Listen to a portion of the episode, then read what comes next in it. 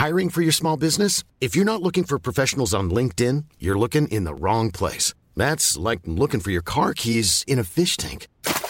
LinkedIn helps you hire professionals you can't find anywhere else, even those who aren't actively searching for a new job but might be open to the perfect role. In a given month, over 70% of LinkedIn users don't even visit other leading job sites. So start looking in the right place. With LinkedIn, you can hire professionals like a professional. Post your free job on linkedin.com slash people today.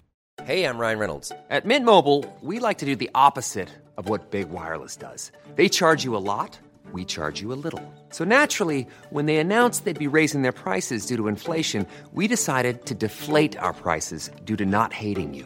That's right. We're cutting the price of Mint Unlimited from $30 a month to just $15 a month. Give it a try at mintmobile.com slash switch. $45 upfront for three months plus taxes and fees. Promo rate for new customers for limited time. Unlimited more than 40 gigabytes per month. Slows. Full terms at mintmobile.com.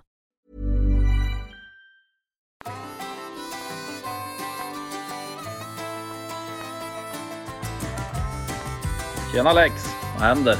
Eh, jag håller på att ta en snus, det händer. Och så blev jag lite tagen på sängen nu när du inte sa hej och välkommen till Toppenjakt. Det ska, det ska ju vara en jädra osäkerhet bland lyssnarna hur podden dras igång. Det är ju målsättningen. Ja, och även för oss. Ja, man ska inte ta något för givet. Nej, aldrig. Alltid vara beredd. Men du, är du, är du hemma eller? Ja, det är jag. Så att jag är, jag är, min beredskap är låg över tid. Men det är väl rätt nice också? Jo, det är svinnice. Lillan ligger och sover i vagnen nu här utanför fönstret. Så jag kanske stökar runt lite och går och kollar ibland. Men Men du, hur, hur funkar vardagslunken som eh, föräldraledig med två, två barn, två vovvar och så har du haft någon bonushund där på slutet också. Ja, i- ja, det var faktiskt bara igår. Men det var ju, det var ju grymt härligt. Alltså, eh, det var ju Maggan, från, alltså Henkan som vi har haft med. Han eh, fick ju en, en kull här på sin gråhund för ett tag sedan. Och en av de valparna har ju en av våra polare. Ja men precis. Så hon var här. Det var ju härligt. Det var ju lite så här, det var ju gött fräscha upp hela hur det är att valp liksom. När man får städa upp allting som inte får bita sönder och sådär. Men alltså hon var ju skithärlig. Valpsäkra hemmet lite. Ja, verkligen. Men då är det ju guld att ha en trädgård som är ja, inhägnar så att säga. Alltså vi var ju nästan bara ute hela dagen. Men du, ja men Maggan, hon har ju jag och Blixtra också träffat. Det verkar vara en jättemysig hund. Funkar de med de andra vovvarna också? Eller törs, ha, törs du ha dem alla tre ihop? Nej, ja, jag vågar inte riktigt. Han är ju lite lättkränkt sådär, eh, min stora. Men Kelly och hon, de lekte ju på. Hon var ju, hon var ju helt... Man fick ju skrapa upp henne från golvet och låta henne vila Ja. liksom. Ja, du ser vet du. Ja. Men det är ju exakt samma med Blixtra. Ibland har man ju hur, hur mycket tid som helst att sysselsätta och man promenerar, lägger spår och gömmer godis och ja, men grejer på i största allmänhet. Och då blir Ja. de ju helt slut alltså. Ja, ja. Och det är ju också jävla tillfredsställande att se att nu är, nu är hon svintrött och att man känner att man i alla fall har gjort någonting vettigt. Ja, ja, verkligen. Ja, det är härligt. Alltså det är ju mysigt med en valp. Det blir ju lite mer... Det pockar ju på om man inte skulle ha en valp hemma kanske. Mm. Blir lite sugen. Vi får la se. Jo, det blir Ja. jag. Men det, den tiden kommer komma. Den är bara inte nu. Det är ju så alltså. Mm. Men du, vi börjar ju, vi tjuvsurrar ju. Vi har ju som sagt, kanske i vanlig ordning, ingen, ingen jätteplan för vad vi ska surra om. Men en sak som i alla fall är klart, det är att bortsett från att jag och Pang-Anders ska till Sunne på jaktmässa, så ska du och jag till Åre på jaktmässa. Det blir grymt. I 28 till 31... Äh, vad fasen är det? 30, eh, ja, i alla fall. Sista helgen i juli. Ja, men precis.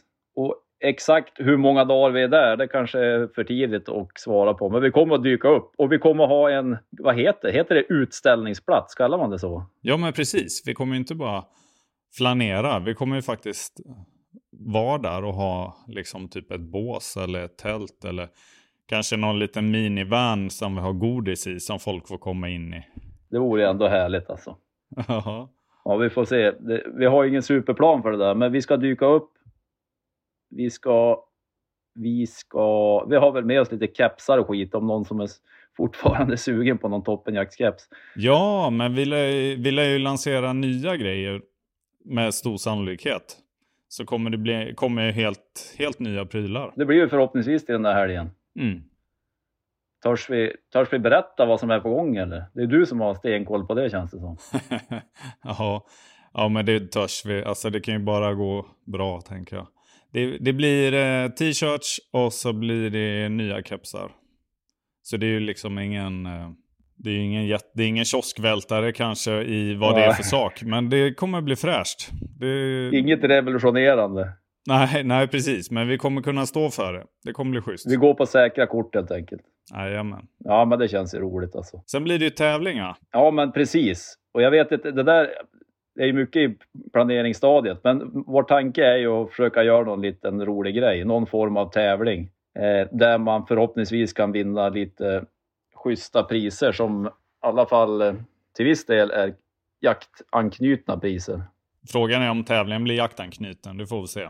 Ja, precis. Ja, men vi, vi är ju som sagt i planeringsstadiet för det där. Det känns ju svinkul att åka upp dit och surra med folk eh, och greja på och ha någon liten tävling. Men vi, det kommer väl, vi får väl försöka sprida på någon form av mer information när vi, när vi vet mer själv vad vi ska hitta på helt enkelt. Det lär vi göra. Men, men tillägga kan man göra att, eh, det, jag har inte varit här, men det ska ju tydligen vara en riktigt schysst mässa. Så det blir ju lite sån här festivalstämning. Det är ju, jag tror att mässan stänger typ, säg fem då.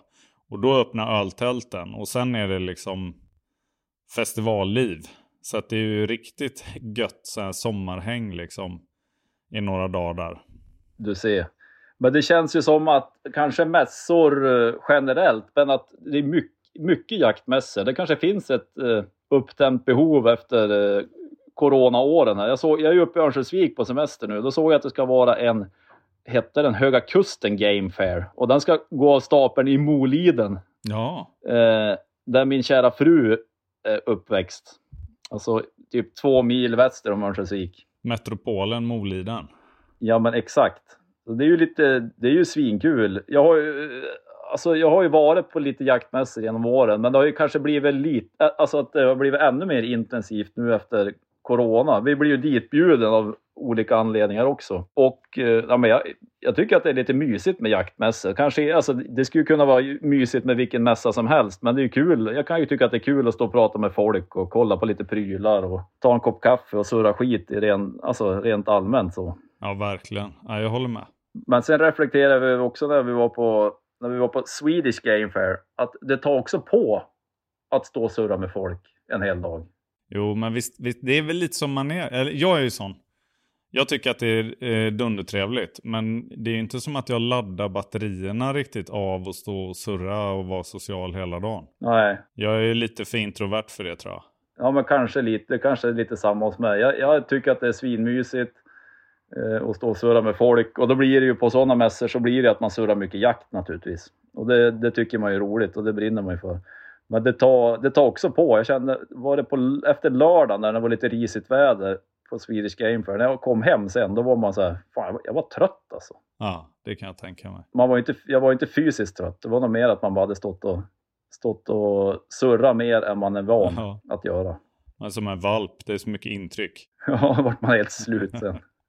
Helt ja, men Blixtra var väl ganska trött också.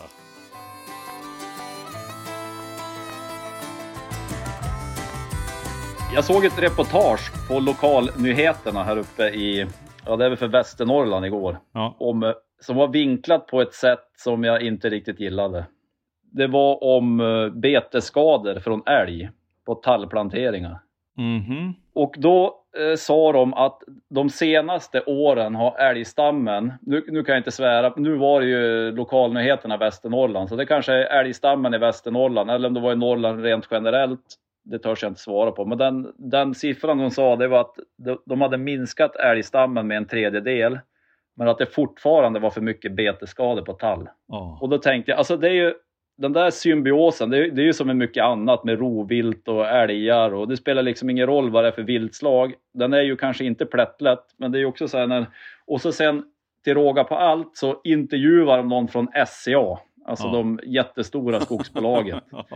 och så filmar de, eh, var de ute i skogen och filmade en, eh, en liten tall eh, som vars talltopp hade blivit avbiten av en älg. Ja. Och så berättar de att det här går liksom inte att såga och virka och det här det blir ju typ massa eller ja, massa ved. Men det är också så här, var ska man dra gränsen? Det är ju för jag har ju sett propaganda tidigare från, ja, men från stora skogsbolag, alltså lite lobbyverksamhet där man som jägare, alltså älgjägare, om man jagar på mark som tillhör, det var väl SCA Holmen, jag vet inte om Sveaskog också var inblandad.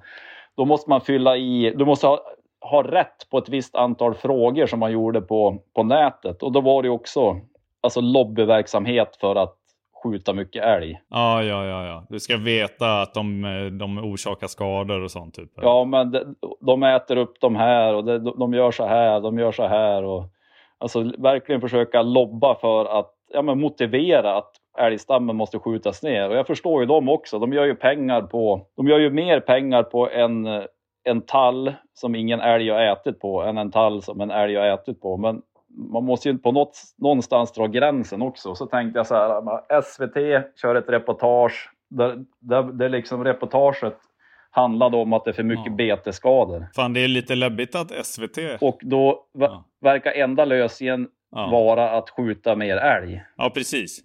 Och det är det som är så här, vad fan, det måste ju finnas mer lösningar. För det är ju så här, som älgjägare när man har jämthund, då är det ju då är det ju inte svinkul om det blir en jättesviktande älgstam. Nej, men alltså det är ju inte svinkul. Alltså, och det är ju så mycket större. Det är inte svinkul på något sätt. Alltså vi, ja, det finns ju så många fel. Det finns ju säkert väldigt många rätt med hur eh, skogsbruk bedrivs i Sverige. Men det finns ju också väldigt många fel när det kommer till sånt, tänker jag. Alltså det finns ju i alla fall väldigt många pålästa insatta som kan hävda motsatsen. Att det handlar om hur man, hur man odlar eller liksom tar hand om skog och tall och gran och vad det nu är liksom. Det är ju, man har väl olika skador av olika vilt på olika. Men det här med att ha liksom bara monokulturer och liksom så här hygges, stora, stora hyggen. Och det finns ju så otroligt mycket nyanser i det med vad det gäller liksom floran i övrigt och eh, vad som är ekonomiskt och vad som är betesskador. Alltså är det mycket varg, ja då kan det bli betesskador för att de klungar ihop sig. Och alltså, det är, jag tycker det är lite svårt att navigera i det där. Men precis som du så drar jag verkligen öronen åt mig och så här när man Samtidigt, jag hör i alla fall eh, flera jaktlag som ändå verkar i norra Sverige om man säger, ställer in årets älgjakt för att de har ingen älg liksom. Och ändå så ökar trycket på att skjuta mer älg. Det är någonstans felar det ju liksom. Nej, men det där, det har jag ju också hört, men det är också där, det blir ju bara en sida av myntet när man har ett reportage vars, alltså reportage, reportagets namn är att det, det är för mycket betesskador. Ja. Och så sen intervjuar de enbart en från SCA. Ja. Det var ju lite det man retade sig på. Det blir ju bara en sida av myntet. Ja, man precis. kanske ska haft med någon från Jägarförbundet eller någon, någon lokal som jagar där i närheten. För det blir ju lätt att, alltså ha, har man dålig koll, och det har väl kanske de som inte jagar och som inte håller på med skogsbruk, de tänker ju så här bara, men gud vad hemskt. Ja.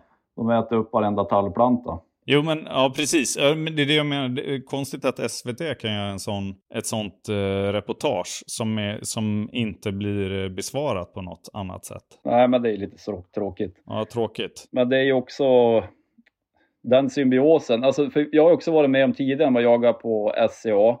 Då har det varit så här pottjakt, att ett helt älgskötselområde, säger att man får skjuta 200 älgar. Och så skjuts eh, alla dem och så bara, ja men nu får ni skjuta 20 älgkor till. Ja. Och då känner man bara, men alltså typ så här i mitten på oktober då, ja men nu blir det 20 älgkor till. Och man känner bara, men det där skulle man ju helst inte vilja att det skjuts 20 älgkor till. Nej. Efter brunsten och ja, det känns ju olyckligt på något vis.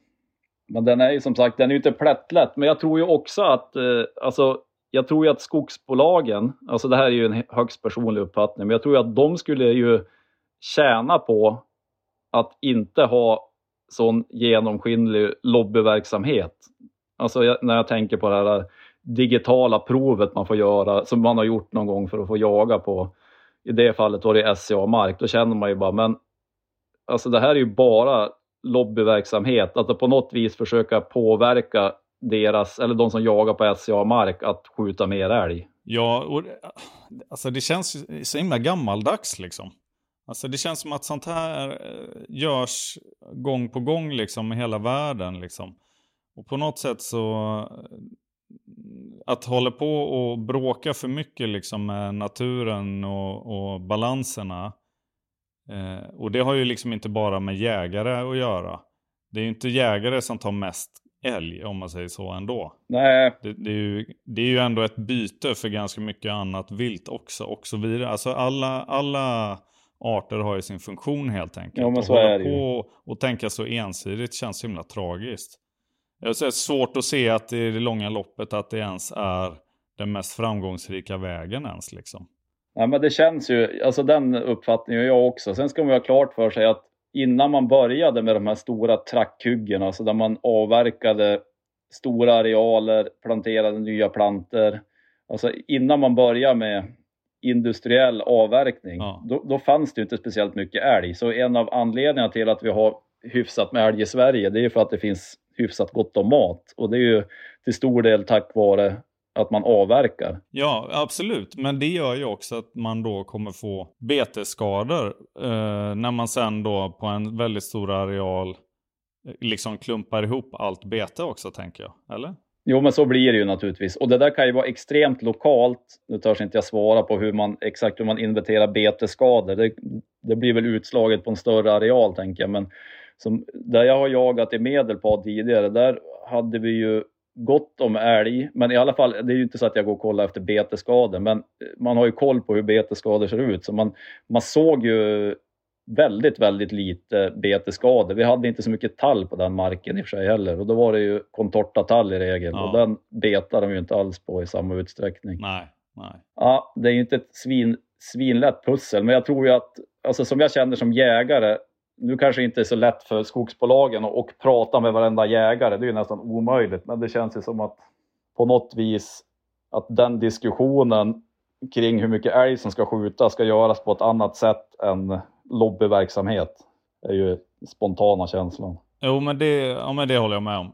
För precis som att vi sitter här och tycker nu och kanske inte heller har rätt i allt. Men så skulle det vara snyggt att bli bemött med en eh, mer nyanserad eh, liksom, eh, kommunikation även från skogsbolag. Ja, Och. Vilket också skulle göra att man kanske lyssnade lite mer och fick en större förståelse. Ja men visst, och det finns ju säkert, eh, alltså det här är ju, det här är ju en högst personlig känsla, men det finns ju också eh, olika, ja, men olika möten där, ja men säg att Länsstyrelsen, jägare, Jägarförbundet sitter och diskuterar de här frågorna naturligtvis, men de är ju inte jag med på. Så det, alltså den här diskussionen kring hur, hur man ska diskutera det, det kan ju vara att jag är helt ute och cyklar, men det är bara som jag uppfattar det just nu i alla fall.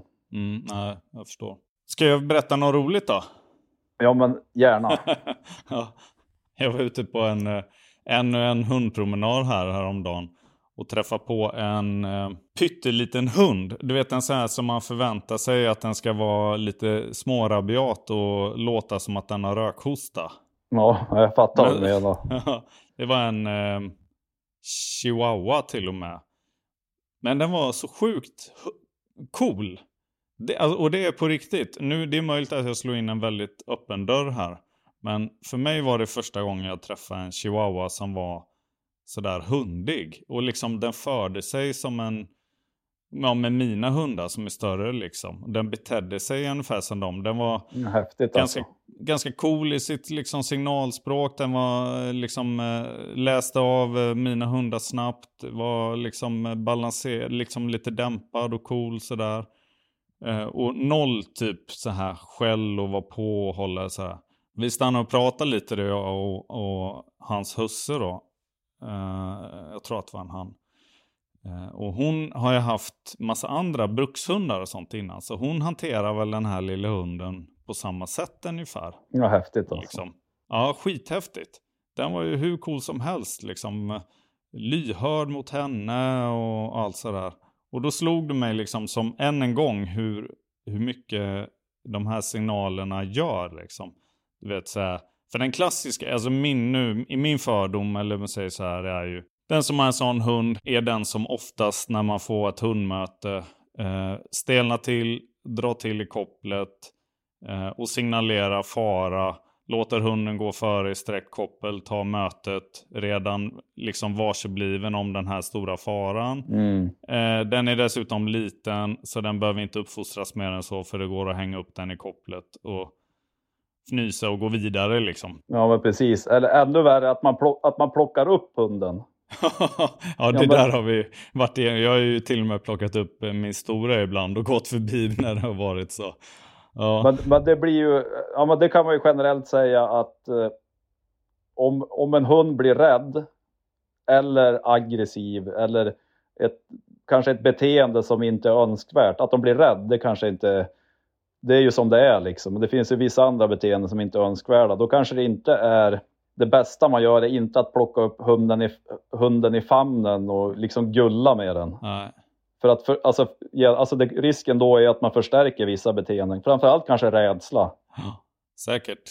Eller ja, men att de skäller i rädsla eller skäller av aggressivitet och så tar man upp hunden och så bara oj, oj, oj, oj, oj, ja det där var inget roligt, åh kom här lilla, klappa om. Att man liksom plus, det blir ju då att man kanske plussar ett sånt beteende. Mm, och förstärker det. Ja. Ja, men och precis. bekräftar det och förstärker det. Ja, jag håller med. Och det, och det var därför det här var så roligt. För det här var ju såklart bara en hundindivid och en förare så att säga. Men det tog ju dels bort min fördom lite om just ja, men typ, ja, hundtypen helt enkelt. Ja. Och kanske stärkte min fördom om vissa hundförare istället då, eller vad man ska säga i och för sig. Men, men det var ändå så jävla ballt att se liksom att den var ju svincool. Att det är liksom inte, inte hundens fel, alla beteenden Nej. den har helt enkelt. Nej, precis. Och jag, så här, ett tillägg på det är ju så här. Jag vet att det finns en miljard olika grejer att tänka på om man, om man är noga liksom. Och hur man positionerar sig eller hunden, att man själv tar mötet och att man liksom funderar på sina, sitt eget signalspråk och sådana saker. Man kan eh, lära hunden att och fokusera mer på en själv och massa sådana saker. Mm, mm. Men, eh, men en väldigt enkel grej, så, återigen kanske en öppen dörr, men om ni, om ni liksom kämpar lite med det här ni som lyssnar, testa att när, så, när ni ser att ni kommer få ett möte, så innan något annat särskilt har hänt, så plussar ni hunden lite försiktigt. Inte, det behöver inte vara uppspelt eller någonting. Men att ni berömmer hunden, egentligen för inte särskilt mycket, mer än för det som inte än har hänt. Liksom. Det, i, I min upplevelse så är det ett väldigt enkelt sätt att liksom få hunden att förstå att okej, det förväntas ingenting här tydligen och jag gör redan något bra som bara går här liksom. Och dessutom så, så signalerar man ju till sig själv också att ja, det här är ju lugnt liksom. Alltså det är nästan som att man ger hunden ett förtroende. Sen kan man ändå positionera sig och allt det där också. Men jag skulle säga att eh, det ger förvånansvärt bra respons i många fall. Att liksom förekomma något särskilt beteende alls liksom. Men det där är ju en tilltalande tanke. Alltså den, eh, det sättet att lösa ett problem innan det ens har blivit problem. Ja, men det, ja, ganska ofta funkar det. Sen får man väl börja rya och röja om det liksom inte funkar. Men då, då har man ju också, då spär man ju generellt sett på skiten liksom.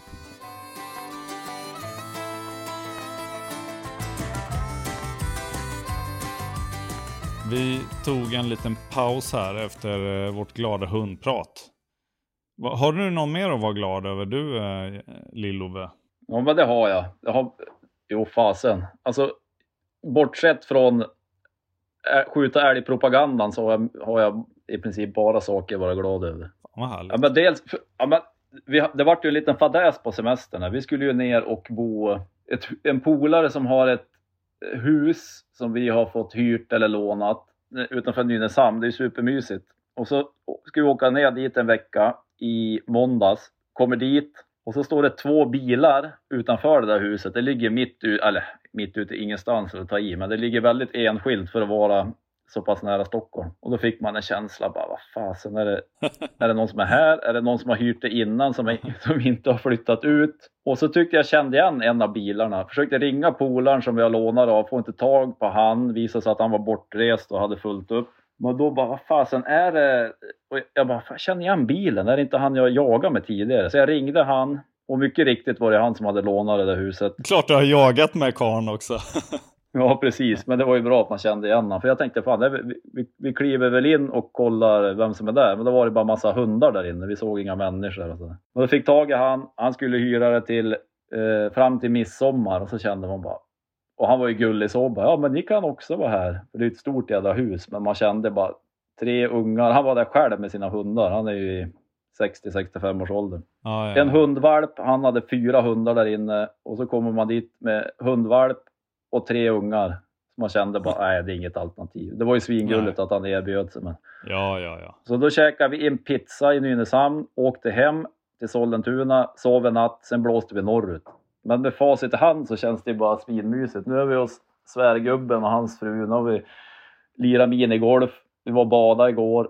Det blir massa barnaktiviteter och så passa på att träffa släktingar också, så det gjorde ingenting. Och så fick man ju åka norrut. ja. Så nu är också planen att fara, fara till eh, eh, Brink där vi ska jaga björn och pyssla det sista med foderspridarna, björnåtlarna, för de är godkända. Vi får inte börja fodra än, men joxa på lite med det där och fiska lite och kanske fara ut på någon älg och björnspaning någon kväll och sådär. Så det, är- ah, det är en bra vad känsla. Semester. Jag leder två veckor till där. Visst har jag sagt att jag har eh, en, en liten godbit till björnåten sen i frysen också? Ja, men det där har du ju... Jo, men du skickar ju någon bild. Ja, just det, just det, det gjorde jag. Jag fick ju göra en snabb uppackning av hela frysboxen och packa in det lite bättre. Ja, det var ändå nice. Ja, jag la ju ner, för den som inte sett bilden, vilket de flesta då, men jag la ner ett helt rådjur i frysen. Det kändes lite, det tog emot lite faktiskt att göra på det viset. Men det är ju för en god sak. Det är ju till en godkänd björnåtel helt enkelt. Ja, men precis. Så jag, la, jag la ju ner hela, hela djuret som det är faktiskt. Rätt ner i botten på frysboxen.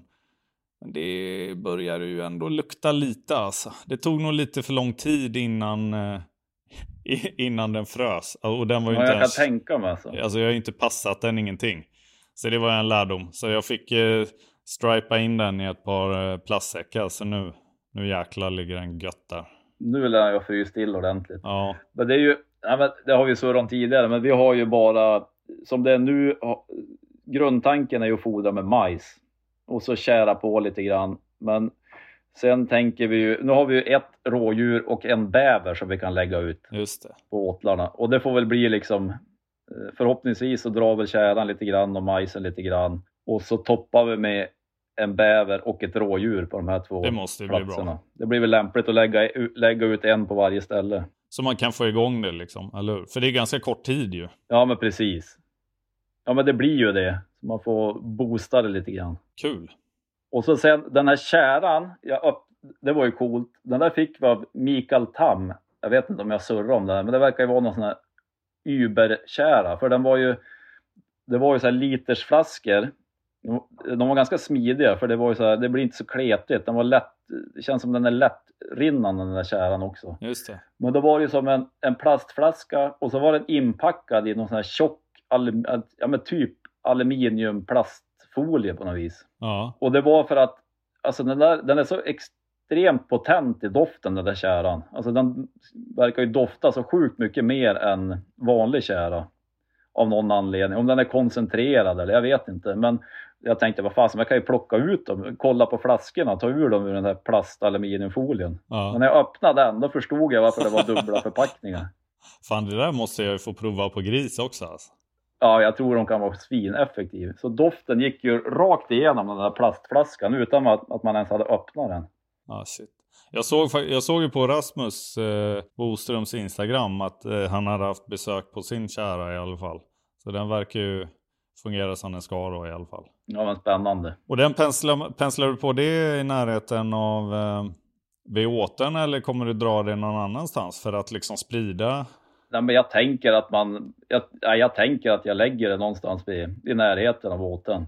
Ja, Sprider ut det mot någon sten eller ja, trästam just det. Och visst är det så att man, så uppfattar jag det med ehm, när jag har det vid det där jag jagar gris. Det är ju inte bara, det är inte bara gris som går och stryker sådär heller ser jag, men eh, utan det, de gör det på instinkt va, för att de håller borta typ insekter, alltså mygg och skit med det eller? Eller är det att de bara gillar det? Ja, men det är väl det som är grundtanken om jag fattar det. istället för kåda, det som finns naturligt i naturen, så geggar de på med kära om man lägger ut det i syfte att slippa, Ja, just ja, det. men slippa kryp i pälsen. Ja, det tycker jag är svincoolt med vildsvinen. Jag är ju, det kanske är samma med björn. Det, jag har ju ingen erfarenhet på att liksom slakta en björn. Men eh, just det här med att vildsvin kan ju vara rätt lortiga och sådär. Men de är ju nästan alltid helt rena från kryp alltså. Om man jämför med ett rådjur som är så sött och fint. De- Det kan ju bara krylla med fästingar och älglusflugor och skit på dem. Ja, men precis. Det kan ju vara, alltså man, jag har ju inte något mycket emot kryp så, men vissa rådjur som man har, ja men typ på bockpremiären, skjuter någon råbock. Ja, Alltså det var, man tycker synd om dem, det är så sjukt mycket fästingar. Och älgflugor kan det också vara. ja fy fan. Bara kryp och så sådana här mikroskopiska fästingar som man knappt, man, man ser dem knappt. Man känner att det kryper någonting i håret på armen, men man ser dem inte. Alltså, de är ju riktiga små as, de här älgflugorna. Fan, hela älg, oktoberjakten, hela den veckan där när jag liksom bodde i kojan typ. Då var det ju varje kväll fick, man, fick jag sitta och liksom så här som en kompisapa och sitta och liksom sanera Kelly. Hon vart ju för fan tokig när hon bara kröp runt, runt svansroten och skit. Alltså hon, blev, hon fick ju liksom ingen lugn. De bara Ja, kröp, krälade ju runt där tills jag fick bort den liksom. Och då, ja men precis, och hundarna de får väl knappt bort dem för de, de känns ju som kärva små varelser. För de, Ja, jävlar vad de, även att de inte liksom har bitit fast, så länge de är i pälsen på, ja, men på hundar eller älg, alltså det går ju, det är ju svårt att få bort dem. Ja, ja, ja. Det, det är ju precis. De är ju gjorda för att bo där liksom. Jag tror inte att de kan föröka sig och sånt på en eh, hund. Så att det blir ju ändå som lite tillfälligt. Men det är ju för fan alltså vilket äckel alltså. Krypa runt där. De plockar man gärna bort från hundarna, de är inte roliga de. Man har ju haft någon i hårbotten någon gång också själv, Ja, vidrigt. kryper runt i håret. Ja, de är nästan värre än fästingar kan jag tycka. Ja, det, ja, jag med. Alltså det är nästan så att jag har blivit mer välvilligt inställd till fästingar. Sen jag tycker att det har blivit mer och mer älgflugor jag jagar. Men är det, i, är det där på marken i Dalarna bara eller? Nej, alltså jag tycker, nej. Jag tror att de vandrar, de kommer mer och mer norrut. Kanske är så. Alltså för två, alltså, ja, men för två säsonger sedan så vet jag, då var jag uppe och skulle jaga skogsfågel med träskällare. Och då frågade jag innan, det var uppe, ja vad fasen är det, typ eh, upp mot, eh, ja där våran kompis eh, har byggt stuga där nu och sånt, upp mot, alltså förbi Bollnäs och vidare. Och de sa att, nej men vi har inga, vi har inga älgflugor här inte. Nej. Och de hade ta mig fan älgflugor. Så det hade liksom visst börjat komma upp. Så att jag skulle säga att det är, alltså här runt i Mellansverige tycker jag det är mer och mer. Ja, det kanske är så. För det, men man har ju varit med och skjutit älgar nere i Sörmland och där har det varit, ibland har det varit ganska mycket, ibland har det nästan inte varit någonting. Men uppe i Norrland tror jag aldrig jag sett någon älgfluga. Nej, precis. Och så typ där man jagar uppe i Medelpad och Ångermanland. Ja, jag tror inte de har tagit sig, jag vet, de kanske inte gör det heller, men det är som att de har vandrat sakta uppåt. Det, det är något man får lära sig att även det får man ta och bita underkäken mot överkäken bara. Så går det över. Det är bara att acceptera att de finns. Ja. Det lär inte bli någon toppenjakt-t-shirt med en älgflugemotiv i alla fall. det ska fan gudarna veta alltså. Det hoppar, hoppar vi över. Ja. Men det kan vi ju det kan vi också meddela. Pang-Anders har ju ett jävla viktigt projekt här framför sig. Mm. där han håller på att försöka få någon att skissa på ett motiv på en bärs med sidovagn. Det kan bli bra. Och känner jag, känner jag Pang-Anders rätt så kommer man gå all in på det där. Får vi se om det blir ytterligare någon t-shirt. Vi har ju fått någon form av storhetsvansinne här, tror att alla, eller det tror, det tror vi i och för sig inte, men, men nu är det ju lite prylar på gång. Vi får se om vi får dra i handbromsen här när vi inser att folk börjar bli less på alla toppenjaktsprylar. Det är inga problem, då drar vi den bromsen. Det är, rejält, det lär ju Ja. visa sig. ja, Ja, för fasen. fan.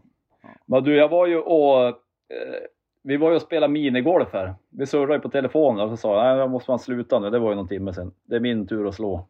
Ja. Det Hur var ju det? jag, fru... Ja, det var ju, det var ju svinkul. Jag, frun, våra tre ungar, svärgubben och hans fru. Så vi var sju stycken. Och minstingen, hon ledsnar ju... Ja, men hon, hör, ja, men hon, leds, ja, hon säger att hon spelar tio hål, sen började hon tappa fokus duktiga tag alltså. Men hon hade bra utslag. Hon körde lite så här eh, drive-taktik, att det var långgolf. Hon vevade ju på duktiga tag alltså. Klassiskt ju. Fan vad härligt. Och det är så kul att de är så olik varandra. Och så mellantjejen, hon har ju sånt sjukt tålamod. Jag tror inte hon har fått det av pappa. Så hon, hon mysslar ju på med det där och det gick ju ändå hyfsat bra över tid. Och äldsta tjejen, hon är ju lite så här tävlingsinriktad och lite dåligt tålamod. Kanske har fått bägge från pappa. Så hon vart ju förbannad varannat hål. Men samlade ihop sig, samlade ihop sig på slutet där. Men då var det, jag måste, det här måste man ju försöka berätta. Jag vet, alltså det här det är ju nästan inte så att folk kommer att tro på en. Men hål nummer 14, 14 på Örnsköldsviks minigolfbana. Då kan man välja två platser för utslag. En plats är ju ganska lätt, då var det bara slå iväg och hoppas på det bästa. På den andra, skulle man hoppa, alltså det var ju som ett, byggt ett litet hopphinder för bollen. Man skulle hoppa över ett litet vattendrag och ja, hoppa över till sidan där hålet var. Och för att göra håling one där, då måste man ju slå exakt, eller du kan ju göra det på fler sätt, men för att få bollen att hoppa rakt ner i hålet måste du slå spikrakt och exakt rätt hårdhet. Då drog man en håling one där. Jag trodde det inte var sant. Åh oh, jävlar. Så jag vevade ju på med hyfsad kraft, flög över vattnet och så bara smack rakt ner i hålet utan studs. Jävlar, vilken pappa de har alltså. Ja, det var ju helt sjukt. Alltså jag trodde det inte var sant. Jag sa till svärgubben, ska jag göra det här tusen gånger till? Jag skulle inte lyckas. Alltså det kändes som det var på den nivån. Vart det, vart det bara glada miner då från de andra eller? Ja, men det var bra. Ja, bra. Frun, hon stod och kollade på ungarna så hon, så här, hon missade. Men svärgubben och svärgubbens fru såg det i alla fall. De är kronvittnen. men 32 slag på 18 hål, det får man ändå vara nöjd med. Uh, ja, ja, ja. Jag hade fem spikar i rad. Mycket minigolfskryt här alltså. Blev du belönad med en glass ändå när du var så duktig? Ja, det blev ingen glass.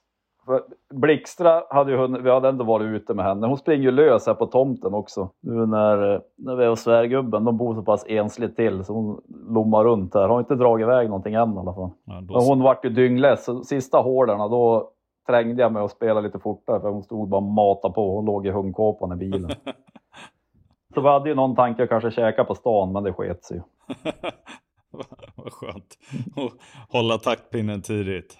Ja, men precis. Ja. Ja, men så det har jag gjort idag. Spela minigolf, varit på hundpromenad. Ja, men gött. Ja, men det är skönt med semester. Vi har inga sådana här äh, superplaner, men vi tar det lite som det kommer här uppe. Ja, ja men det, där, det är ju gött. Vi har ju varit och gjort pass. Det kändes ju inte som en biggie, även om det verkar vara en biggie i, jag vet inte, typ media. Att det är så katastrofalt och att det är så mycket. Det var ju svinsmidigt. Man fick vänta lite på att få en köplats bara, men det gick ju hur bra som helst när man hade bokat en tid liksom och komma dit och få det gjort. Det var ju skönt. Ja visst. Vet du. Fixade ni pass åt Mini också eller? Ja det var ju det. Det var ju åt barnen liksom. Försöka få hon på rätt plats i kameran där. Diverse mutor och annat så var inte det något problem. Då är det bara ut och resa nu då. När ni får dem. Jajamän. Ja, vad härligt. Vet du. Vart det nu blir. Det är, det är ändå åtta veckors leveranstid. Så det noterar jag ju rätt fort att det är ju nästan när jaktsäsongen är igång. Så då frågan om det blir någon användning för dem i år. Nej, det kommer inte mycket nytta av de där passen. Nej. kunde, det kunde man nästan haft ogjort. Får ta med dem till Norrland och ta med passen bara för sakens skull. Jaga lite. ja, visst inte. Ja, för fasen. Men du, jag måste fasen bege mig. Jag, håller, jag, jag är svinhungrig, jag har inte ätit någon lunch än. Dagens eh, tips då? Pyttipanna och folköl. Ja, det är väl inte det sämsta. Men du, du, må, du har ju fasen varit ute och jagat. Det har vi inte pratat om. Ja, men du, jag ska, jag ska ut ikväll också. Och det kan bli att jag får podda om det helt enkelt. Det har inte varit så anmärkningsvärt speciellt på något sätt. Det har bara varit svinhärligt att få komma ut. Jag skulle säga så här kort. Det är, hos, där jag jagar, där jag pyrschar och sånt just nu den här tiden på året så är det lite mellanperiod nu mellan sådden och att det börjar mogna och verkligen dra. Så liksom skyddsjaktsmässigt och sånt så är det rätt så lugnt. Det handlar mer om att komma ut och känna lugnet skulle jag säga. Ja, men det kan ju vara väl värt. Ja, gud ja. Vart åker du ikväll då? Ska du ut och kolla efter någon gris eller? Ja, oh, nu blir det gris. Nu är det ju slut på vårbock också. Ja, men just det. Men, eh, men eh, nej, nu blir det gris. Får vi se. Om jag, myggorna och kanske en god vän eller två. Men det, det, det kommer att bli en recap på det. Det kanske kommer ut något på Instagram om, om vi har tur också. Ja, men precis. Ja, kul alltså. Kul, kul. Men du, fasen vad mysigt att sitta och surra ett tag. Ja, detsamma. Hoppas att eh, ni får en bra eftermiddag och kväll nu. Ja, Och och hoppas att frun har utfodrat barnen. ja, precis. Så att jag kan sätta mig och äta direkt. där. Ja. Det är ju, vore ju drömmen. Ha en mysig kväll. Tack ska du ha, detsamma. Ha det så fint allihopa. Jag hoppas att vi ses på eh, mässan i Åre i slutet av juli. Ja, ja, men det vore väl svinkul så vi inte står där själv. Nu när vi har fått, fått sån fin plats så står vi. Verkligen. Någon rackare får komma förbi och surra i alla fall. Då är det lätt att vinna priser också. Om man är själv. Ja, men det är ju sant. Men det kommer ju mer info om det på något vis. Jajamän. Sannolikt på Instagram. Yes. Kanske i podden också. Om vi hinner, hinner surra ihop, hinner surra någon mer podd innan det är dags. Men det lär vi hinna göra. Det gör vi. Ja, ta hand om er och ta hand om dig. Vi hörs. Ja, men ha det fint. Vi hörs. Ha det bra. Gött. Hej, hej. Hej.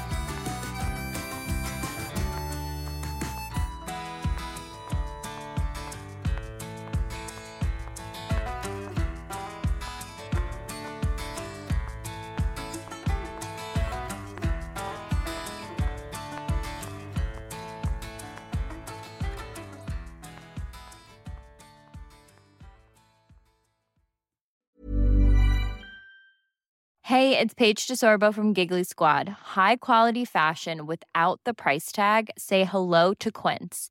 I'm snagging high-end essentials like cozy cashmere sweaters, sleek leather jackets, fine jewelry, and so much more. With Quince being 50 to 80% less than similar brands. And they partner with factories that prioritize safe, ethical, and responsible manufacturing. I love that. Luxury quality within reach. Go to quince.com slash style to get free shipping and 365 day returns on your next order. Quince.com slash style. Imagine the softest sheets you've ever felt. Now imagine them getting even softer over time. That's what you'll feel with Bowl and Branch's organic cotton sheets. In a recent customer survey, 96% replied that Bowl and Branch sheets get softer with every wash. Start getting your best night's sleep in these sheets that get softer and softer for years to come. Try their sheets with a 30-night guarantee. Plus, get 15% off your first order at bowlandbranch.com. Code BUTTERY. Exclusions apply. See site for details.